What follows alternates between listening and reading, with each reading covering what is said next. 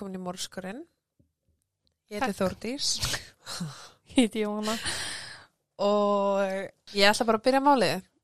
Já. Hann Theo Hayes fættist þann 29. september árið 2001.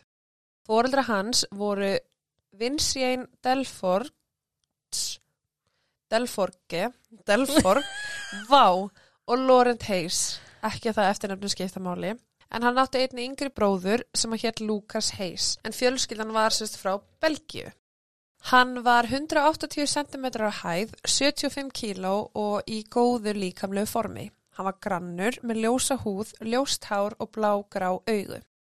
Hann elskaði að spila rúbbi og hafði mikinn áhuga á umhverfinu og vísindum en hann var líka mjög ævintryggjart sem hann leitt hann til Ástralíu í ferðaleg.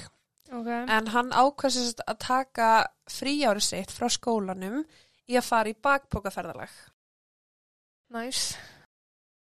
Hann sem sagt kemur til Ástralíu í november árið 2018 Ok. og þar býr Guðfaðir hans og aðri fjölskyldumöðlumir og hann er sérst bara hjá þeim Ok. og svo byrjar hann raun bara að ferðast um Ástralíu. Hann kom til Byron Bay þann 29. mæ árið 2019 en Byron Bay er strandbær og mjög fjölmennur af ferðalöngum. Mm Þetta er mjög einstakur bær en þarna mæta fleiri gestir heldur en fjöldi bæjabúa á ári hverju. Hann var næstuð í búin með ferðalagi sitt en plani var sérst að fara heim 3. júni þar sem hann ætlaði að eigða sumrinu í að undirbúa sig undir inntökupróf í verkfræði. Ok. Þannig að hann er að koma á þann 29. og þetta eru bara einhverju fjóri dagar sem hann ætlaði að taka á þessum loka áfangastað. Já.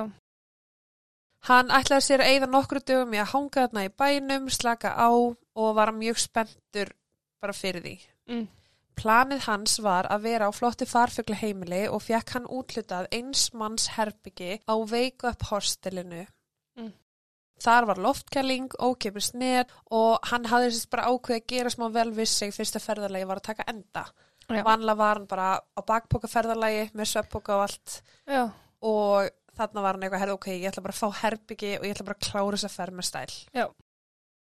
Hostelið bauð upp á jókatíma við sólaruppbrás, ferðir upp á vitanum, brimbrettaferðir, hjólaferðir og það var eiginlega bara allt til alls aðna. Mm. Á hostelinu hitt hann einni aðra bakbóka ferðalanga en meðal annars hitt hann Anton, Antoine, Anton, sem var einni frá Belgíu. Mm. Þann 29. mæ um 1945 fer hann með strætó eða sjöffól í bæ með Anton og keipti þeir flösku af rósavinni. Hann er mjög eðlilegur og tóku þeir síðan strætó tilbaka á farfuglaheimili til að deila víninu með öðrum gerstum því að það var grillveisla í gangi. Setna um kvöldi var ákveðið að fara í bæin um korter í tíu en þau heldu öll að stað á Cheeky Monkey sem var mjög vinsæll bar í Byron Bay. Mhm. Cheeky Monkey var hins vegar með frekar slæmt orðspor á sér en það var bara þekktur fyrir að vera mikið ofbeldi. Nú, ok. Já. Hann var nýlega keiftur af virtu fyrirtæki og hafði hægt og rólega verið að losna við þetta leiðilega orðspor en margir sem að sótt hennar stað voru náttúrulega bara ennþá með það þetta er bara staðurinn þar sem að slæmi hlutinni gerast. Það er svo þú getur ekki breytt minni skoðan og sessó. Akkurat. Sama hvað þú reynir, sko. Það er svolítið mikið þannig. Já. Klukkan 7 myndir yfir 11 er Þíó hent út af barnum fyrir að vera ölvaður. En maður þarf að vera virkilega ölvaður til að vera hent út af bar.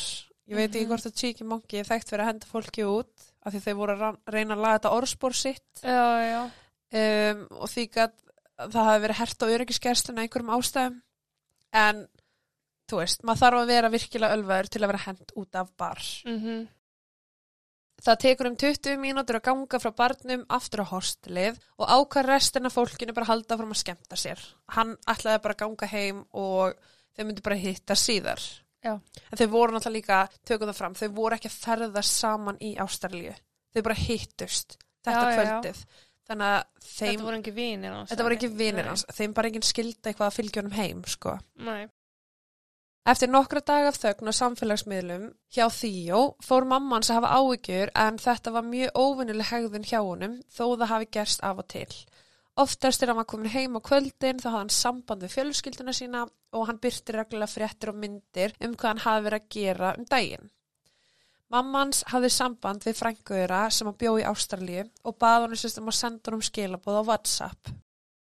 Hún sendi hann um skilabóð en fekk engin svör. Frængans vissi að hann hefði átt bókað heimferð þann 3. júni svo hún ringdi það fyrirtæki, rútufyrirtækið, til að aðtöða hvort hann hefði farið um borð í rútuna en hann leta aldrei sjá sig þar sem var náttúrulega bara mikið ágefni. Að því maður missir ekkit bara rútu og þú veist, hefur ekki samband við fjölskylduna sína. Nei. Sérstaklega í ljósið þess að hann var mjög tilbúin að komast heim, búin að vera að ferðast hana síðan november 2018. Bara ótta mánuði eitthvað. Já. Mamma sagði samband við Guðfæður hans en hann var líka staðsettur í Ástralíu og hann fór í bankan og fekk sér síðustu færslutur hans í hendunar sem hann hafi notað kortið sitt í. Mm. Síðasta færslan hans var á Tíkimongi en það var kvöldið 31. mæ og einni sáðu færslu frá Wake Up hostelinu sem hann hafði verið á. Hann hafði ekki notað kortið sitt síðan þá. Frængar svingd á hostelið og fekk að vita að hann tjekkaði sig aldrei út og starfsfólkið var bæði með allt dótið hans og vegabrifa hans en það hafði hann ekki komið og sóta. Þau samt sem áður rukkuðu kortið hans. Já, já. Það tvölinn hans var bara loki og þau bara Mm Eftir að hafa heyrt það þá ringdu þau strax í laurugluna og tilkynntan tindan. Þegar þau höfðu samband við laurugluna þá var komin 7. júni og þau reyndu að nota allan tíman sem þau gáttu til að finna hann en það reyndist að þeim afar erfitt þar sem að þau voru náttúrulega heima í Belgíu, Já. svolítið lítið sem hættir að gera og er náttúrulega liðnir þessi margi dagar Já. sem að þau eru átt að segja á því. Þau reyndu stanslust að ringja í síman hans en það virkaði ekki svo þau ákveða að komast inn á samfélagsmiðluna. Eftir nokkra tilraunir þá komist þau inn á e-maila hans með því að nota gamall leikilorð sem að var á heimilistölfunni og þar með gáti þau endurstilt Facebook leikilorði hans og skrásið þar inn. Þetta skulle muna. Akkurat. Því þetta getur skipt sköpum, sko. Er, ég held ég sem er þér skráða. Já, ég með þeir skráða. Já, að þú getur tekið kontról yfir aðgangi minn. Já, og þú getur tekið kontrólið minn. Já. Það var mjög hjálplegt en með þessum upplýsingum gáttu þau séð að klukkan 20 myndir yfir 12 hafði hann sendt skilabóð til vina síns og var sérst að ræða væntalega U2 tónlingaferðalag í Ástralíu Ok. Eh, sem að þeir höfðu planað. Þú veist, ekkert merkilegt, þeir voru bara að ræða U2 en Mhm. merkilegt að því leitinu til að klukkan 20 myndir yfir 12 er hann að senda skilabóð. Hann var ekki með kveikt á staðsendingunni á Facebook svo að þeir vildu komast inn á Google aðgangin hans uh, sem hann var með til að sjá raunverulegu hreyfingar hans. Er sniðugt. Lísa Frankans var staðsett í Ástralíu og ákvað að fara til Byron Bay. Hún setur upplýsingar um hann á margar Facebook-grúpur og dreifir eitthvað miðum með mynda honum og upplýsingum og bara vonast til að einhver hafi séð hann, ringi í þau og láti vita, bara herðu, sama hvað það er, bara allar ábendingar. Já. Hún skoðaði Facebooki hans til að sjá hvort hann væri með einhverja nýja vini þar en það var hann mjög ungur á bakbókaferðarlagi, einn að ferð og mjög líklegt að hann hafi kynst öðru fólki. Í ljós kom að annar strákur sem var ferðast um ástarlíum var nýlu vinur hans á Facebook en það er Anton sem sama hafði ferð með henni búðina og síðar með honum á Tíkimongi. Hún hafði sambandi við hann og hann sagði henni frá því hvernig dagurinn þeirra var. Þíó var ekki mikið að hanga með honum og barnum en hann sagði að það var engi verið að taka fíknefni, það var ekki óhóflega drikja sem átt sér stað og það hafði komið honum mjög óvart þegar honum var hent, var hent út af barnum fyrir ölfun. Aðri bakpoka ferðar langar staðfyrstuðu sama, hann var ekki fullur og það þótti mér skríti hvers vegna honum að vísa út. Nú. Já. Hún komst einnig að því að 23 mínútur yfir 12 var hann að horfa á skrítin eh, eitthvað gaman þátt á YouTube í símanu sínum en hann horfði sérst á 1 mínút og 52 sekundur og það er sérst þáttur sem að heiti Burger Quiz og var sérst bara uppáhalds komedi þátturinn hans Mm, ok. þannig að hann er að tala með þess að komandi YouTube-ferð þrejum mínútum áður en hann horfði á þáttinn Það Nú- er bara eins og þessi komin upp í rúmi eitthvað. Já, akkurat. Klukkan 00.55 notar hann svo WhatsApp til að senda skilabóð til stjúpsýstu sinnar í Belgium en hann var að svara skilabóðum sem að hún hafði sendt á hann fyrir um kvöldið og hann sagði bara merci og kossikall. Já. Þau sem tala fransku. Mhm. Og ekkert, ekkert meiri það. Þannig að nú er klukkan árið 501 og hann er að svara sýstu sinni. Hún var hent út á barnum klukkan 23.07 og var ennþá með síma sinn klukkan 00.55 sem við vitum af. Ok. Uh, fjölskyldan ákveða að spyrja betur úti í verklega rútufyrirtækisins varandi það með rútumiðan hans að hann hafi ekki mætt í rútuna og, og rútumiðin, ha, rútumiðin hafi verið afbókaður. Og þau vildi sérstu vita hver hefði afbókað rútumiðan hans. Já. En þeim var tjáð að einungis manneskjan sem bókar getur afbókað miðan. Ok. Þau hugsa þá með sér að kannski ætla hann að vera hann lengur og það eru þá góðu fréttir en vilja samt sem áður tala við manneskina sem að tóka móti afbókuninni til að staðfersta það að hann hafi sjálfur gert þessu breytingu. Lauruglan fann út að aukumæður rútunar hafði afbókuð miðan hans vegna þess að hann leta aldrei sjá sig og það er stundum gert ef rútan er full á næstu stoppustöð til að gera pláss fyrir ef einhver annar vil bætast við á leiðinni. Mhm.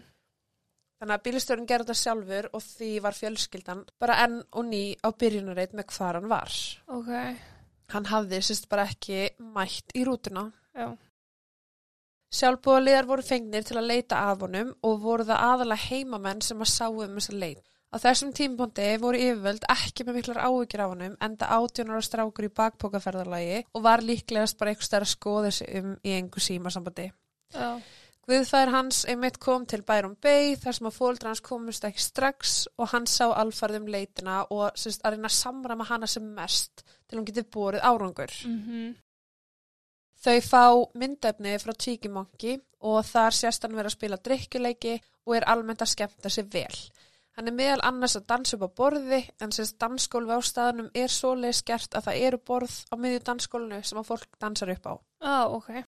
Hann gekk um og spjallaði við fólk og það er einnig stelpa á, á myndbandinu sem er að reyna að dansa við hann en hann sýnir henni ekki mikið áhuga. Hann er raun bara að spjalla við strákin sem er við hliðin á honum. Því og sérst standa upp og fara baðarbyggið og þegar hann kemur út að þá kemur dyrverður og vísar hann út. Hann lítur ekki út fyrir að vera ölvaður og hann lítur ekki út fyrir að vera með eitthvað skert jafnvægi og því er eiginlega óskiljalegt hvers vegna hún var hent út til að byrja með. Mm. Á upptökunum sérst hann einungis kaupa sér tvo bjóra staðnum og það er eina sem hann drakk hann inni. Nú, en samt var hann mökkaður. Já, hann alltaf var búin að drekka hann að rósavíni en alltaf í grillveislunni fyrir Já, en að samanskapi, þú veist hversu mikið rósavín þarf til að vera fullur er Mikið. 12% Já. Á þessum tímapunkti vill lauruglan endilega ná tala af stelpunni til að fá hennar viknisspurð og sérst í ástæðlegu er það þannig að myndir eru teknar af fólki sem að fer hann á bar af öryggis ástæðum. Nei. Jú. Uh, þeir hafa því samband við staðin í vonum að fá myndaðinni til að geta auðkendana en þeim var tjáð að þetta kvöldið hafi ekki verið tekna myndir og sögðu sérst að stundum er það gert ef það er mikið að gera. Mm. Það hafa ekki undan að taka myndir af fólki. Já, já. Það þótti undarlegt í ljósi þess að einingis eitt fjórðar staðnum var fullur af fólki. Það var sem sagt ekki mikið að gera Mm og því er erfitt að trúa því hvers vegna ekki voru tekna myndir af fólki. Ah, já, þetta, já. En að sama tíma, þú veist, þetta eru kannski bara eitthvað sem þau nenni ekki lengur að gera, skilur. Mm Mhm. Tekur tíma á þessum og nenni kannski ekki að vera að hafa eitthvað ráða starfsfólk bara sérstaklega í þetta. Nei. Lauruglan fer þá að skoða upptökuvélar sem staðsetar er á götuhornum í bænum og sjá meðal annars að hann gengur inn í myrkrið og hverfur. Upphaflega kenningin var svo að hann ætlaði sér að ganga tilbaka á Wake Up Hostel eftir að hafa verið hent út af barnum en hann var einungis í hettupeysu og það var mjög kallt úti. Svo kenning virtist að hafa verið bökkuð upp af óskýri eftir þess myndavéla upptökum af manni sem að gekk í þá átt og var því leitinni aðla beint að svæðinu milli Tiki Monkey og Wake Up Hostel. Já. Þetta er náttúrulega gerast um vetur í Ástralíu. Já, Já. og það er sko Tiki Monkey er hér, Já. Wake Up Hostel er hér Ok. og þú veist, þetta eru 20 mínútur að ganga. Já. Upptökur komið fram frá bensínstöð af manni sem var á leiðin í átta farfuglaheimilinu og fór fjölskyldan að skoða þær og það bara tímasetningin passaði við það þegar því og átta hafa verið þar. Mm Þau held að hann hafi verið að fara þar framhjá og fundan svo annar upptöku í áttina að hostelinu. Svo þau voru bara, herðu, ok, hann er hérna sérst að ganga um Já, á leiðin á farfugla hótelið. heimilið. Já. á leiðin á hostelið. Þessi maður passar við grunnlýsingar á þjó og er einmitt að gangi sem átt. En þegar fjölskyldan skoða upptökunar þá voru þau bara, þetta er ekki hann. Við sjáum það bara veist, þetta er ekki svona okkar. En sérst myndefnið var tekið uh, hinum einn við götuna og var því mjög óskýrt. Já, Þetta sjá okkur labba hinum einn við götuna og í rauninni þetta getur verið hver sem er mhm, sem er í svörtu fötum. mhm, Þetta getur verið kona þess vegna, sko. já. Getur verið ristavill. Kengura. Já. Um, en þau voru bara, nei, þetta er ekki hann. Lögreglan byrjaði þá að reyna að afla gagna á símanmanns en Google virtist ekki vera mjög samvinni því fyrirtæki og þau vildi ekki gefa út neinar upplýsingar vegna persónu vendarlaga. Finnst, Mér finnst að ég eigi að fá að skrifa undir bara ef ég týnist, já þið megi skoða já, þetta. því það, það þurfti bara eina litla auka klausu á þessu drasli þetta sem að það skiptir svo miklu máli sko. Já, Frændi hans Michael gat einhvern veginn komist í síman hans og komst inn á Google reikningin hans sem að gaf þeim aðgang að raunverulegu hreyfingum hans þetta kvöldið. ok, Sest án atbyrni Google. já, Hreyfingar eru skrásettar á 15 sekundar fresti sem að gefa okkur góða hugmyndum hvert hann fór og hvar hann var. gerir símum að það bara, Sko það er ef þú ert með Google Maps opið þá já. Já, að þá er að skrásetta 15 sekundar fresti og ef þú ert með Android síma þá er eitthvað í símaninum sem að er sérst að reyka þig ok, þína ferðir. Mjög sniðugt. Þegar að hún var hent út af barnum þá stoppar hann í um mínútu fyrir utan og skráir nafni á hostelinu inn í Google Maps en byrja svo í kjölfarið að ganga í vittlösa átt heldur hann að Google Maps er að segja hann að fara. nú, Þannig að sem sagt, þú ert með A4-blað og við snúum því á hlið. ok, Þú skiptir A4-blaðinu í fjóru parta. Já. Og það er upp í vinstra hótninu er A, hægra hótninu er B, hægra niðri C og D. Já. Þannig að hann er akkurat í miðinni, hérna cheeky monkey, mhm, akkurat það sem að X-in er. mhm, A-svæði er hostelið, já, en hann byrja að lappa í áttina að B. já, Þannig að hann er raun að lappa í hina áttina. mhm, Hann, sem sagt, í um fjóra mínútur og 40 sekundur þá gengur hann að eðlum hraða sem er cirka 7 km klukkstund og hann er sem sagt að ganga bara upp á við, götu. Mm. Þar lok enda götunar stoppar hann í 7 mínútur sem er frekar langu tími til að dúsa á í þessum kulda en fjölskyldan hugsar að mögulega hitta hann einhvern á þessum stað sem hann spjallaði við eða hann fór að pissa. mhm, Á þessu svæði er sagt Byron Youth Activity Center og það er meðal annars svona fyllt af netum til að spila krikket og er svona eitthvað íþróttarsvæði. ok, Eftir að hann stoppaði þarna þá breytti hann skyndilega um stefnu og fór í anstæðu átt við ho- hostelið. Núna fer hann semst í áttina að ströndinni sem að er í áttina að B. Þannig að hostelið er í A, já, hann gengur beint upp til að byrja með og fer núna í B. ok, og er núna allt í hérna að labba á ströndina sem að er bara, hann er samt með hostelið í símónu sínum. já, Hann er með, hann veit alveg hvert hann á að labba. akkurat, Uh, kannski hitt hann eitthvað þarna sem að vísa honum þangað en það er eiginlega bara óvíst hvers vegna honum datt í huga á ströndina en það var hann búin að skrá hosteliðinn og plúsa að þú veist það er kallt úti, klukkan er að vera minnætti, hann er bara í hættubeysu mhm, og hann er einn. já, Það er gert ráð fyrir því að hreyfingar símans samsvari hreyfingum hans og hann hafi ekki verið viðskilin við síma sinn. Sérst að Já. hann sé með síma sinn á sér. Hann fer frá þessu krikketsvæði yfir á hina hlið íþróttavallarins í 8B og gengur sérst þar niður götur. Samkvæmt Google þá er hann núna komin á 6 km hraða og sérst allabans hægar og er að skoða kortið sitt nokkur sinnum. Þannig að hann er reglulega að taka upp síma sinn, skoða Google Maps, zooma inn göturnar mhm, og hérna er aftur að slökka á símanum. ok, Hann gengur þannig niður útkverfi skötur þar til hann kemur að Milne Street en þar sérst endar útkverfið ok, og sérst þar á endanum, þar sem hann endar, er bara svona risastórt skólendi Mm.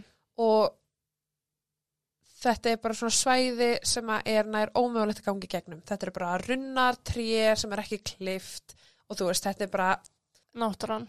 þetta er bara náttúran. Já. En þessi skóur er sér satt, baku skóin er sér ströndin. Já, já. Hann fer ekki milni brautina sem að liggur sérst beint á ströndinni, heldur fer hann á svæði sem er umgrið þétt vöxnum trjám og runnum og það er náttúrulega bara talið ómögulegt að fara í gegn. Þannig í staðan fyrir að ganga göngustígin að ströndinni, þá er hann svona farið bara beint inn í skólendið sem er náttúrulega bara mjög erfitt. Þetta er svo þétt vaksið Já, já.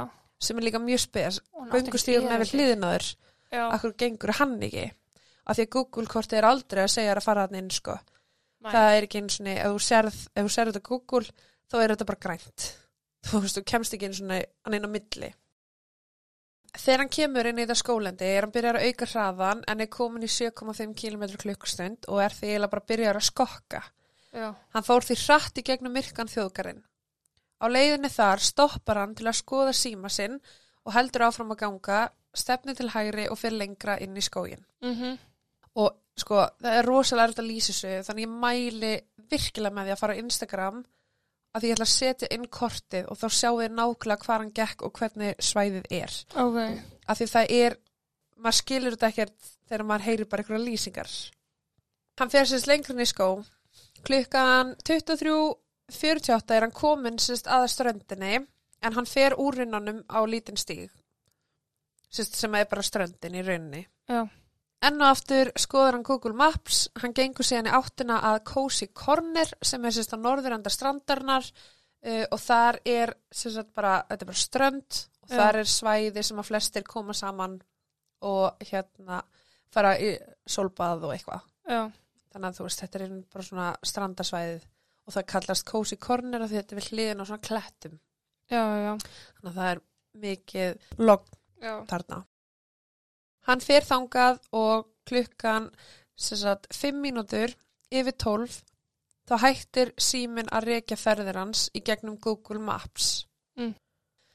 Það er mikið um bæði eiturlífarsala sem að hanga þessari leið sem að hann fór hana sem og mikið að heimilisleysi fólki. En það er allavega í þessu skólendi er allavega tveir staðir sem hann kallast kamp Já. sem að er sagt fyrir sem er sagt fyrir heimilisleysa að koma og gista. Ok, ok. Allan tíman sem hann gekk þangað þá var hann meðvitaður um að hann væri að gangi vilsátt, hann er með kortið uppi og er að skoða götuheiti og veit hvað hann stattur hverju sinni en mögulega á hvað hann að fara að skoða eitthvað eða ætlaði sér að fara aftur heim á hostili síðar. Já. En það eru margir sem eru bara, ok, hvernig viss hann bara hvert hann ætti að fara? Þú veist, hann er ekki með Tallow Beats í Google Maps sem er að segja hann um hvernig hann gengur nángað Mm. hann er með hostelið þannig að hann er bara að ganga einhverju götur veist, hann þekkir sér ekkert til um hana Nei. hann er raun bara að ganga þar til hann endar á ströndinni Já. ljóst var að leitin hafi verið gerð á vitleysum stað en það var hann aldrei á því svæði hann var aldrei frá tíki monki að hostelinu þar sem allir sjálfbúðleir höfðu verið að leita í rusli og þú veist verið að einblýna leitina að Já, já. Hann fór ekki bara á ströndina um kvöldið, heldur var hann þarna í dágóðum tíma, svo kafarar voru sendir til að fara í sjóin, en einnig voru þyrlur sem að svipust um í klettunum upp að vitanum sem var þarna og það var í raun bara mjög erfitt svæði til að leita á. Mm Mm. Þetta eru bara eins og klettunir í Versmanniðum. -hmm. Lögregla vil meina að það er enginn sem myndi velja það að fara þessa leið, heldur hefðan geta farið stígin sem að leiðir á ströndinni en hann fór gjössalega gegnum óþjappa svæði og var í raun bara að riðja sér leið þar í gegn. Já. og það er sérst talað um að hann hafi verið í raun að skokka þar í gegn sem er ennþá skrýttina því að hann var á 7,5 km hraða þar Já, hann hefur þá bara km klukkstund, já farið í gegnum. Far, já, farið í gegnum þetta og getur náttúrulega ímynda okkur út að fá okkur tré í Já, andlitið og eitthvað og alls konar. Það Já. er snákar í ástalju. og ég barasta, Myndi aldrei. já en það er sérst því var talið til að byrja með að hann hafi ekki verið einn á ferð því að hann sem túristi myndi ekki dett í huga að fara þessa leið Mm. hann veitir en ekkert hvort að það er dimmt er núti og þetta er, þú sérð ekkert hann veit ekkert hvort hann sé kannski bara ganga fram að klettum, skilur Nei, þú veist það er í raun ekkert sem að hann getur átt sig á hvað er að gerast nei. Lögreglan baða fjölskyldunum að deila ekki þessum gögnum með neinum um semst að hann hafi farið á ströndina en það endist ekki lengi. Þau eiginlega bara treyst ekki að lögreglan væri að gera sitt besta til að finna hann og vildi láta leitarhópin vita að það væri verið að leita á vitlisum stað. Já. En lögreglan vildi halda þessum upplýsingum að sér til að geta leita sjálf á hans að fólk væri að fara ángað og mögulega eigða líka sönnugögn Mm sem er alveg skiljalegt. Já, hella.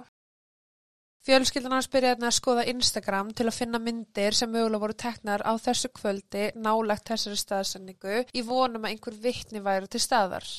Þau fundi tvær myndir sem teknar voru af sólarupprásinni á ströndinni morgunin 1. júni og gáttu haft samband við annan aðilan en hann sagðist ekki að var séð þýjó nýja orði vittna einhverju óvinnilu. Þá voru meðal annars myndir af fólki kringu varðeld kvöldir sem hann hvarf á ströndinni en það var aðeins siðra en hann hafði verið og strandparti voru mjög algeng á þessu svæði.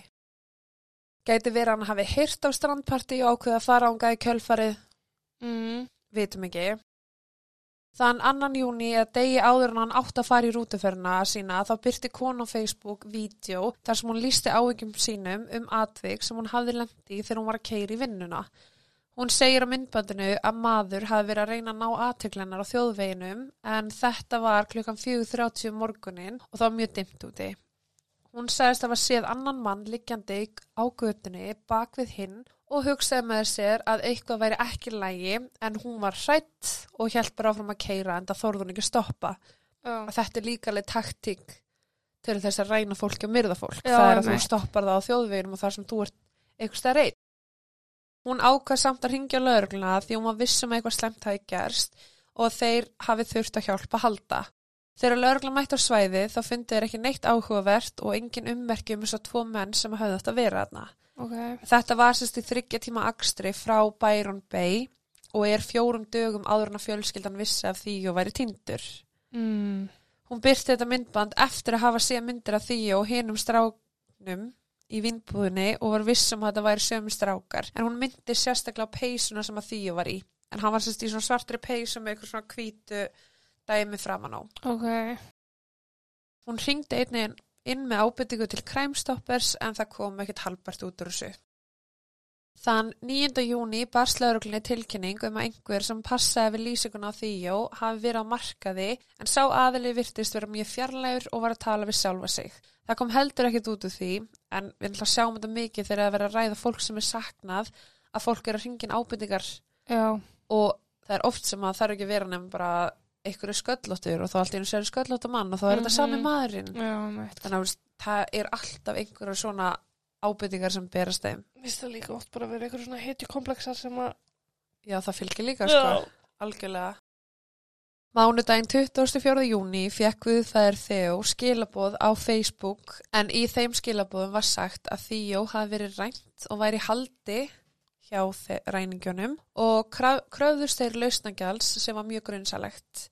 Með tilkomu samfélagsmiðla þá gerist þetta oft en margar upplýsingar eru til staðar á netinu sem að hægt er að reyða á og hægt að finna upplýsingar um aðila sem að er hægt að nota. Uh -huh. Þannig að þannig eru þeir að senda sko á guðfæðir hans en Já. ekki Fóreldrar hans. Já. Þeir voru hins vegar ekki með neinar nýjar upplýsingar sem að höfðu verið byrtar. Þú veist, þeir vissi ekkert neitt meira heldur en almenningur og þeir gáttu heldur ekki framvísa einhverju mynda á. Nei. Að þeir kröfðust sérst, 3000 dollara í bitcoin Mm. og gaf fjölskyldinni 24 tíma. Eina sem þeir gerðu var að þeir myndust að kærustan hans en það var svo sem bara ofinbér staðrend svo fjölskyldan vissi bara að þetta var platt og það ekkert kom úr því. Miðvikudaginn 3. júli hafði lögreglan hætt leit af Þíó en það hafði verið leitað í um mánuð og það skilaði ekki neinum árangri. Nei. Það var sko verið að kafa, það var leitað á sjó, það var leitað í vatn, á Það loft, var að vera að kafa, það var þetta að sjá. það var leitað á lofti, þú veist, það var leitað allstaðar.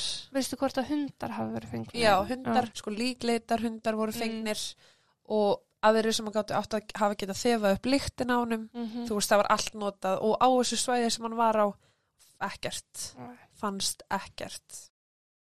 Lögreglan ákvæðst samt sem áður ekki að loka málunu svo ef þær kemur nýjar upplýsingar á borðira þá myndir skoða nánar. En við veitum samt alveg hvað það þýr. Það þýr að þeir ætla að byrja að einbytta sér að öðrum verkefnum Já, og þetta í raun feir bara nýri skuffu þetta er bara kallt en við erum opinn fyrir því að ef við fáum ábyrtingar. Lögreglan keirði fjölskylduna að vitanum sem talið er að hann hafi farið á og síndu þeim hvar lögreglan hjælt að hann hafi fallið fram af klettum, farið í sjóun og druknað. Já, Það var sem sagt kenning lögreglunar. Hann hafi verið þarna hjá Cozy Corner, hann hafi farið að klifra upp klettina, dotti niður og skólast í sjóin. já. Ef þá vera, að- þú veist, átt við þannan vita og þessa klætta. Já. Ef hann var þarna, með það skrítið, Já. punktur, af því að þetta er alveg svona, Það er ekki, svo- ef þú veist, þú ert á bakbókaferðalagi, það er ekki svo serðu eitthvað, það er dimmt sko. Þú ert ekki að fara þarna út af það er eitthvað attraction sem að þeir langar að skoða. nei, nákvæmlega. Það er kallt og þú sjórinn að það kaldur. Þú ert í hettupeysu Já, og þú veist ratar leiðina heim. Mhm. En það hefur sérst orðislýs á þessum stað og þess vegna var það talið vera líklegasta útskýringin og það leiti einnig betur út fyrir laurugluna að koma ástæðu heldur en að vera alveg grunnlaus um hvað hann væri. Þannig að það það leit, bara að klína. já, þannig að leit betur út fyrir laurugluna að segja bara, veistu að þetta var slís, hann datt niður klettana, hann skólaðist út, við erum aldrei að fara að finna hann. Nei, ok. Og þá er einn þurfa þeir ekki að gera neitt meira. En þeir geta ekkert loka rannsókn svoleiðis. Nei, en á sama Það tíma, er ef þá það getur annað gerðist, kemur í ljós. já, þangur til annað kemur í ljós. Já. Þann 7. júli, fjóru dögum eftir að leitlauruglu var hætt, þá fundur sjálfbúðaliðar gráa derhúi á svæðinu þar sem að Þíó hafi farið gegnum skólendi, sérst í gegnum þykku skóana. Mm Þessi derhúa var grá púmahúfa og svo sam og hann átti, en þá voru einnig komin slitför í hana sem að samræmdist við hans húfu. Já. Ef maður er að hlaupa frá einhverjum eða einhverju, þá getur maður vel mist derhúna sína og hann var einmitt að skokka hann í gegn. En myndi hann ekki alltaf taka hann upp aftur? Ekki nema að vera að hlaupa frá einhverjum. Akkurat. Ég er búin að pæla í allan tíma, var hann að hlaupa frá einhverjum? Akkurat. Af því að þú ert að ganga hann um og þú missir húna hérna Þú myndir bara rölda tilbaka og taka og upp. taka hana og sko ekkert með eitthvað þá að dimmt hann, hann sá hann ekki, hann er með sím og vasaljós. Já. Þannig að af hverju ætti hann að skilja húna sína eftir? Mm Það er bara mjög stór spurning. Lögreglan hafði leita vel á þessu svæði og sagðist ekki hafa sér neitt og var vissum að henni að verið komið fyrir sérst síðar en þetta er erfitt leitasvæði og auðvitað er ekki hægt að skoða hvern einasta sentimeter. Nei. þetta er þygt skólendi og sam, þú getur ekki bara eins og er oft gert í leitum Já. þá ertu með kannski 20 mann sem standa saman allir í vestum Talar og- Já. og labba saman þú Mhm. getur það ekkert þarna Nei. af því þetta er svo meitt. þetta var í raun fyrsta sönnugagni sem að fannst og voru hár sem að fundust í húfunni sendi greiningu en það var sérst ekki næg hásarót til að mynda samsvörun við DNA hans Já. en fjölskyldan er bara þetta er húan hans hún með söm slit fyrir framann Mm. grá púma húfa, húfa þú veist hverju líkunar hann var hann þarna? var, meitt. Þremu vikum eftir að Þíó hvarf þá fannst blóðu kilva sem ástóð The Judge í sandinum á ströndin í Byron Bay. Lögreglan fekk hann afenda og tók eins og sönnugagn og einnig voru tekna myndir. Það var samt sem áður ekkert sem að kom úr því. E, það voru margir heimilislausir sem bygguð þarna ströndi var mikið notið í strandaparti og strandaleiki svo gætt vel verið að þessi kilva hafi bara komið þarna og tengdist málun ekki neitt en samt sem áður áhuga verið uppgötun. Það fundurist einni svartir nægskór við hlið vexins sem lauruglan fekk afhend og var því á í svörtum skóm en hann var sérst í aðdaskóm svo ekki var talað að þeir væru hans. Mm. Lauruglan var ekki mikið að miðla upplýsingum áfram um hvað þessi hlutir þýttu eða hvað var gert við þá og fólk í raun gerði bara ráð fyrir því að kilvan hafi ekki tengst málunu að því það var ekkert sagt. Ok, en var ekki tekið DNA sína á þessu blóða eða? Jú, en við fáum ekki að vita það. Já, þetta er alltaf að gerast, þetta er opið mál. En fólk gerir bara ráð fyrir því, hefði ok, kilvan tengist ekki vegna þess að lauruglan er búin að rannsaka þetta og þau hefur ekki sagt neitt. Já, En við vitum ekki. Þú veist, getur vel verið að þessi kilva tengist. já, meitt. Þegar að Theo var komin að Cozy Corner, þá sem sagt gekk hann aftur inn í þjættbeðan skógin með því að klifra upp svona smá klettasvæði. Þar tók hann upp síma sinn, fór í stillingar og slökti á GPS í símanu sínum þannig að það væri ekki lengur að það reykja ferðir hans. Þetta er hann að gera sjálfur. Hann fer í settings, GPS off Ok, og Já, Það er sko eitthvað sem að flestir til að googla hvernig þetta gera. akkurat. Flestir verandi ég. Það er bara mjög spes. Fjölskyldan og lauruglan telja á þessum tímpúti síðan ennþá með síma sinn og er í raun að gera þetta sjálfur. Hann hefði þurft að fara upp mjög brætt að kletta til að fara tilbaka að hostelinu nema hann myndi ganga sérst tilbaka ströndina og þá leiti eða út eins og hann væri að stutt sér leið og fara upp þessa kletta. Já, Hann væri sérst að fara bara aftur á hostelið eða eitthvað eða þá var að fara upp að vitanum. mm. Fjölskyldan vill meina að hann hef ekki verið einnaferð vegna þess að eftir þetta þá nota hann síma sinn ekkert aftur. Og það er sérst talað um að mig við hvað hann var mikið í símanum alla ferðina, alltaf að taka hann upp, skoða eitthvað, hann var að svara skilabóðum, hann horfði á YouTube, Mm hann var að svara öðru skilabóðum, þú veist, og var alltaf reglulega að taka upp síma sinn og kíkja, svo allt í hennu slekkur hann GPS og hættir alfæra að nota síma sinn, Mm ekki bara Google Maps, heldur bara allt. Já. Og fjölskyldan vill meina að það hafi einhver verið með honum. Já, ég myndi halda það líka. Árið 2021 komi fram ný sönnugögn, lögreglan tók það eftir því að hægt var að reykja ferðir hans eftir þetta, þrátt fyrir að hann hafi slögt á GPS í símanu sínum, en ekki lengu eftir að hann slögti á því var skoða símamastur á svæðinu og aðtöða hvort að símanu hans kæmi þar inn. Já. Þannig að milli vitans og það sem hann er, er símamastur og ef hann er nálegt því Já. að þá ætti náttúrulega símuna svona að pinga við það mastur. Já. En símuna hans var ekki tengdur við þann turn, svo ljóst er að hann fór ekki þangað. En það bendir til þess að hann hafi mjögulega reynt að klifra upp brekkuna til að komast oftur á farfuglaheimilið og mistekist það. Þannig að hann augljóslega fór ekki átt að vitanum Nei, vegna þess að hann pingaði ekki inn á símamasturinu. En hann hefði samt sem áður þurft að fara og klifra yfir þess að kletta til að fara aftur á farfuglaheimilið. Síminn hans sýnir fram á að hann hafi reynt að komast nálægt því en það er eins og hann hafi ekki getað það vegna landslagsins. Það sérst að hann er að ganga tilbaka Já. og það, hann er, sérst, gengur upp klettana svo, eins og hann gangi áfram það er svona sé bara fastur af því það er náttúrulega bara skólendi og klettar Mm og hann veit ekki alveg hvernig hann eigi að koma sér úr sem aðstæðum. Já. Loka hreyfing því og kom svo klukkan 00.57 en þá paraði símun hans við annan síma sem kallast Wi-Fi Handshake. What? Já. Aldrei heitum það. Það er því ljóst að hann var ekki einn á ferð heldur var einhver annar með honum Já. vegna þess að þessi símar þurfa að vera pretty close. Þannig að okkar er á Wi-Fi handshake núna. Já. Basically. Já.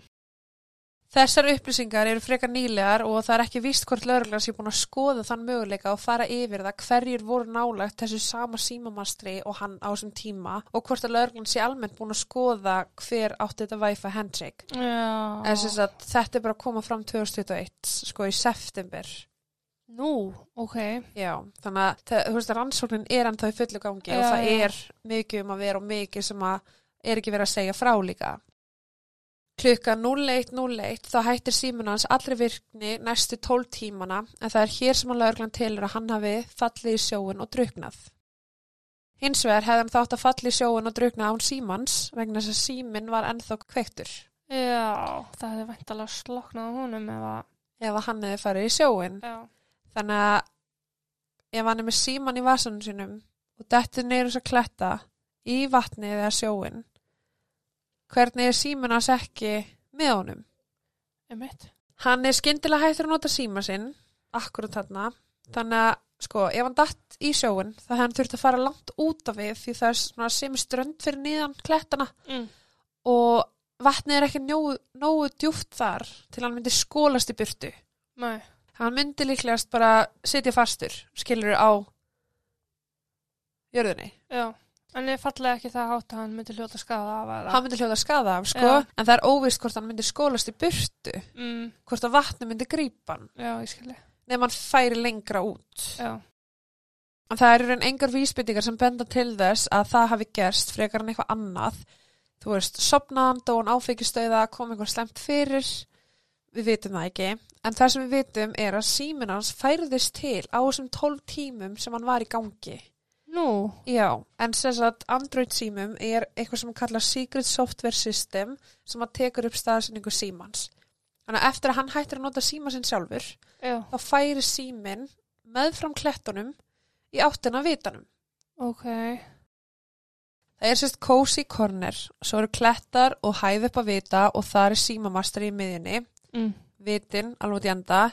Já. Símin hans fór aldrei inn á það mastur sem segir okkur það að símin hans ferðaðist aldrei upp að vitanum, heldur meðfram klettunum. Nú. Já, og þetta er ekkert eitthvað klettaklifur sem bara hver sem er fyrir og gerir. Nei. Þetta eru klettar bara bókstallega svo í Vespanum sem að enginn fyrir að klífa. Vassir klettar og þú Já. veist. En símina sé sérst að ferðast meðfram klettunum, nógu langt frá mastrinum til þess að koma þar inn Já. og það myndir reynast hverju sem er mjög erfitt. Mm Þannig að hann fyrir inn ringin Já. á klettunum. Hvað er hann að gera? Akkurat. Klukkan eitt, þann fyrsta júni að degi til, þá verður síminans batterislaus og hann er þá staðstöður þarna í klettunum hjá vitanum. Símin. Já, Já. það er sérst alveg einhverjum tímum eftir á, það er klukkan eitt daginn eftir. Annars í tólf tímum eftir á eitthvað skilur. Já, og síminans hefur aldrei fundist og það hefur aldrei verið kveikt á honum aftur. Ok. En síminans var síðast einmitt þarna og er ykkur að segja mig það að hann var í tól tíma að klifra þessa kletti þarna þú veist, hann lítur eitthvað um tíma út að vera orðin þreyttur Mm og síminans kemst að þar sem vitin er Já. án þess að fara að masterinum sem segir okkur það að hann gekk ekki að vitanum heldur hann fór klettaliðina Já. það, þú veist bara, what? Sko kletta leðina og vitin er í einhverju metra hæð frá honum. Já. Þannig að þú veist, það er mjög, mjög, mjög, mjög, mjög, mjög, mjög spes. Samanskapið ef einhver hefði tekið síman hans, Mm hann hefði dottið hann á dáið eða whatever, einhver hefði tekið síman hans, að sá aðili hefði ekki heldur geta labbað að vitanum og kasta símanum vegna þess að þá hefði síminn farið inn á þetta mastur sem er hann í miðjunni. Já. Síminn fór aldrei þar inn. Nei.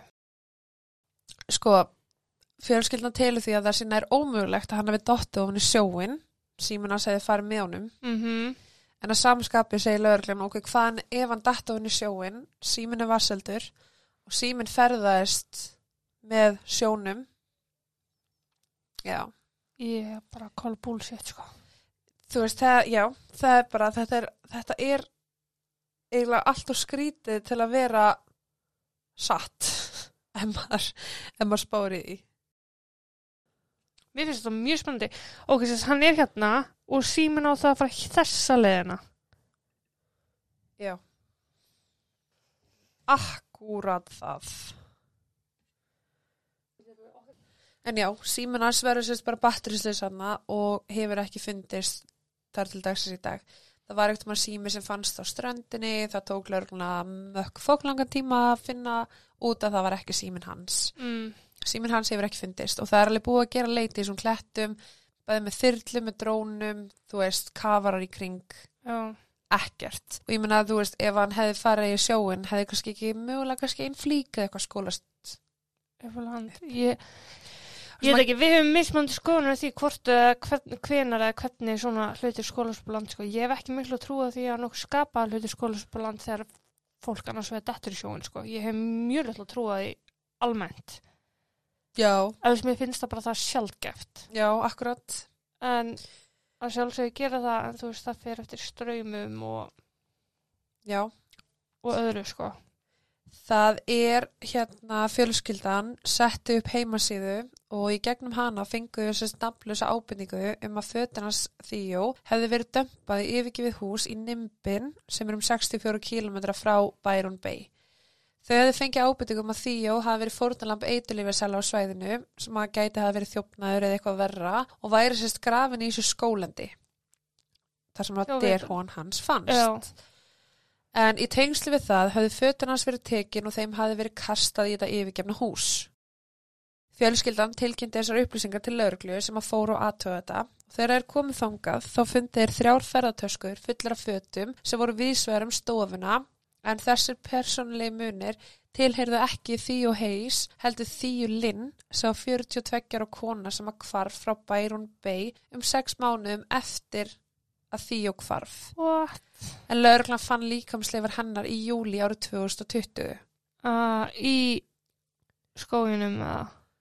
Nei, sérst bara öðrum stað. Já, ok.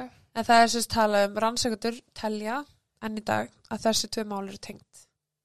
Já, það. Já. Og ef að þeir eru allt í einu að breyta núna um þessa stefnu, nú ertu komið tvö mál, það segir ykkur að þú sett komið mögulega með Grunaðan eða eitthvað svo nei, Já. eða morð Mm að þá er lögreglan svolítið mikið að hoppa frá því að þetta hafi verið slís, hann hafi dottið í klettara Já, að því að, sko, það er ég þetta hattu sinn. hvernig er hann í tól tíma að ganga þessa kletti, þú veist, yfir heila nóttu og ég meina ef að klukkan eitt símin hans er komin þangað, Já. þú veist, er, er ekki alveg fólk sem að kannski er að degi til og myndi sjá eða, eða þú veist, maður veit ekki, Nei. heyra eitthvað eða af hverju ef hann er komin ykkur sjálfheldu og hann er með síman á sér og er að ferðast með síman sinn, Mm af hverju sendur hann ekki skilabóð og segir bara hei hjálp, Já, ringir lögregluna, sérstaklega ef þetta er ykkur sjálfhelda, Mm að því að þú veist, þetta upprunalega kenning lögreglu með að hann hefði dottið þegar hann var að reyna að komast tilbaka upp klettana í Cozy Corner hann hefði dottið í sjóun þar Já. það passar ekki lengur vegna þess að hefði þá ekki síminn hans farið með honum til að byrja með Mm og í örlegi þá hefði hann síminn ekki ferðast þangað Ekki svona, ég bara trúi því ekki að ferðast með sjónum. Nei. en ég menn af hverju ætti hann að slökva á GPS af hverju mátti ekki rekja hann lengur Einhver hefur slokkið að slögt á því. Fyrir hann, sko. og þá spyrir maður sér líka þú veist bara ok, hvernig gati einhver komið þá símónum fyrir þarna Já. án þess að fara fram hjá símamasterinu sem hann hefði þurft að gangi í gegnum Mm til að láta síman pinga þar en það er sem sagt, Heldur þú að síminn hafi flakkað þetta með sjónum? sko síminn fór ekki gangandi að vitanum sem sagt, síminn fór ekki upp hæðina göngustíðin Nei. það er 120% staðfest vegna þess að hann hefði farið inn á símamasterinu Já. og hann gerði ekki þannig að síminn fór einhvern veginn meðfram Mm eða hinum einn meðfram en ef hann hefði farið hinum einn þá hefði hann líklegast farið á turnin sem er þar Já. þannig að einhvern veginn fór hann þarna og þú veist, jújú, jú, ég hugsa alveg skilur hvað ef hann datt í sjóin Mm. og hann síminn er varseldur Já. Og síminn bara hægt og rólega ferðaðist meðfram þessum klettum skilur En síminn myndi alltaf sökva. já já, akkurat en það er einmitt málið, þú veist, maður bara ah, þú veist, það er ekkert Þetta er stór fyrðulegt. Ég hefði frekar haldið að, ég veit ekki, einhver sem þekki svæði vel hafi klifrað út á klettana, þú veist, að því hann kann það. Já, og hent símunum þar þannig að hann myndi pottist ekki, pottit ekki finnast. já. Það er einhvern veginn það sem ég held frekar. sko, að því að þú vorst að spurja með hvar líkið hennar fannst Já, það fannst á ströndinni. Já, fannst sérst ekki skólendin heldur að fannst á ströndinni. Grafið. uh, já, hún var sérst myrt. Um, fjölskyldan hans telur að sé lítil vonum að hann sé enn á lífi þau vonu samt að, hann, að þau getur brálega að fengið svörum hvað gerðist Ó, ég, og Jesus, ég bara, ég get ekki ímynd með þessi stöð, þessi staða sem að fjölskyldan er í. já, það er sko enga spæjari Mm. sem að segir að það séu allan að 20 manns sem að eru áhuga samir lauruglu eða 20 manns sem eru grunnar innan gæsalappa Já, sem lögreglan hefur áhuga að ræða við að skoða. já, mestmægnis af því fólki eru sagt, fólk sem er heimilislaust Mm. býr hann á svæðinu Mm. er hann á svæðinu og einhver eiturleifisalar um, vegna þess að hann einmitt líka gekk í gegnum að á þessum íþróttavelli hann sem ég talaði um upphæðlega sem hann gekk í gegn að þar er mikið af eiturleifisalur sem koma saman mm. þú veist, þar er að skipta sér stað þar eru margir að reykja og þar er bara svona öðruvísi krát hann geti að séð eitthvað sem hann átti ekki að sjá eitthvað svo leiðist á. mögulega Já, hann gæti líka að hafa hitt eitthvað sem að bara, hei já, hefur ekkert að gera, herru það er strandapartí já. let's go, þú veist, að því að hann er að fara svo skrýtna leið Mhm. þú veist, þetta er eins og ef að ég væri að labba hérna á kvalarvatn Mhm. þú veist, ég myndi labba upp hæðina skarslíðin og þar niður Já, hann er að fara þá leið en allir aðrir myndu fara bara stígin já, þú veist, það er enginn sem fer þessa leið Aldrei. Sko. Þetta er að góð, þetta er mjög góð líking samt af því að það er einmitt svona brekka upp og svo brekka niður. og- Já, og svo, mjög- þú veist, og eitthvað skólindi en, en já, og svo náttúrulega líka bara það, þú veist, að lauruglan hefur náttúrulega farið á þetta svæði það eru tveir staðir þarna sem að er svæði fyrir heimilisleisa og lauruglan hefur reynd einmitt bara ná tali af þessu fólki, hvort þeir sá eitthvað hvort þeir heyrðu eitthvað, hvort þeir vita eitthvað en það er bara ekkert eða þá yngi vil stiga fram eða eitthvað Já, En þetta er bara ógæslega skrítið mál og þetta er frekar nýtt. Þú veist, Já, það er bara nýlega komnar einhverjar upplýsingar þá með hérna að Símanas hefði farið þarna að vitanum. já. Það er bara gerast fyrir tveim mánum. Mm Það er öruglega hellingur annað sem að lögreglan veit sem við vitum ekki. En ég mun klála að uppfara meira hér að þið kemur. Með sko ef að síminn hefði sérst fara bara niður á strönd og svo ekkert meira það hefði verið bara ok, gaurulegt sjónum Já. en þetta er bara svo miklu meira það sko Sko vegna þess að hann er ekki á ströndinni þegar Símanas Nei. slöknar á. Hann er komin aðeins svona upp í klettana. mm -hmm. og það einmitt lætur mann hugsa bara ok, akkur er hann komin hann upp og er að slökva Já, þetta er óútskýranlegt svo er einmitt líka að tala um að það voru ykkur tveir strákar sem að hurfu frá Port Macquarie mm. sem er um 315 km á milli þeir hurfu sem slíka 2019 eh, 18. februar og það er líka verið að spyrja þú veist, ok, er þetta eitthvað meira sinnstir heldur en við höldum? Já, nú ertu komið líki á ströndinni konan sem var 42 árs komið Þíó uh, svo eru þessir tveir strákar sem að voru með til bakbókaferðalagi þeir týndust. Já. Og þetta er svolítið þetta er mjög langt í burtu sko. Já. þetta er svona mál sem við getum talað um marga Já, klukkutíma Ég geti talað um þetta eilifu og ég vona innilega svo mikið að fjölskyldan fái sína lokun mm á málið. En ég mun setja allt inn á Instagram þannig að þið getur skoða alla myndir og ég mæli virkilega með að gera það. skoða myndir tala annars, annars vegna- skil ég ekki hvorki uppninir alveg Nei, og þess vegna hafa bara kortið opið á Mhm. meðan þeir eru að hlusta málið, sko. En meira var það ekki. Nei. Þá ætla ég bara að ljúka þessi dag og segi takk og bless. Bless. Ah.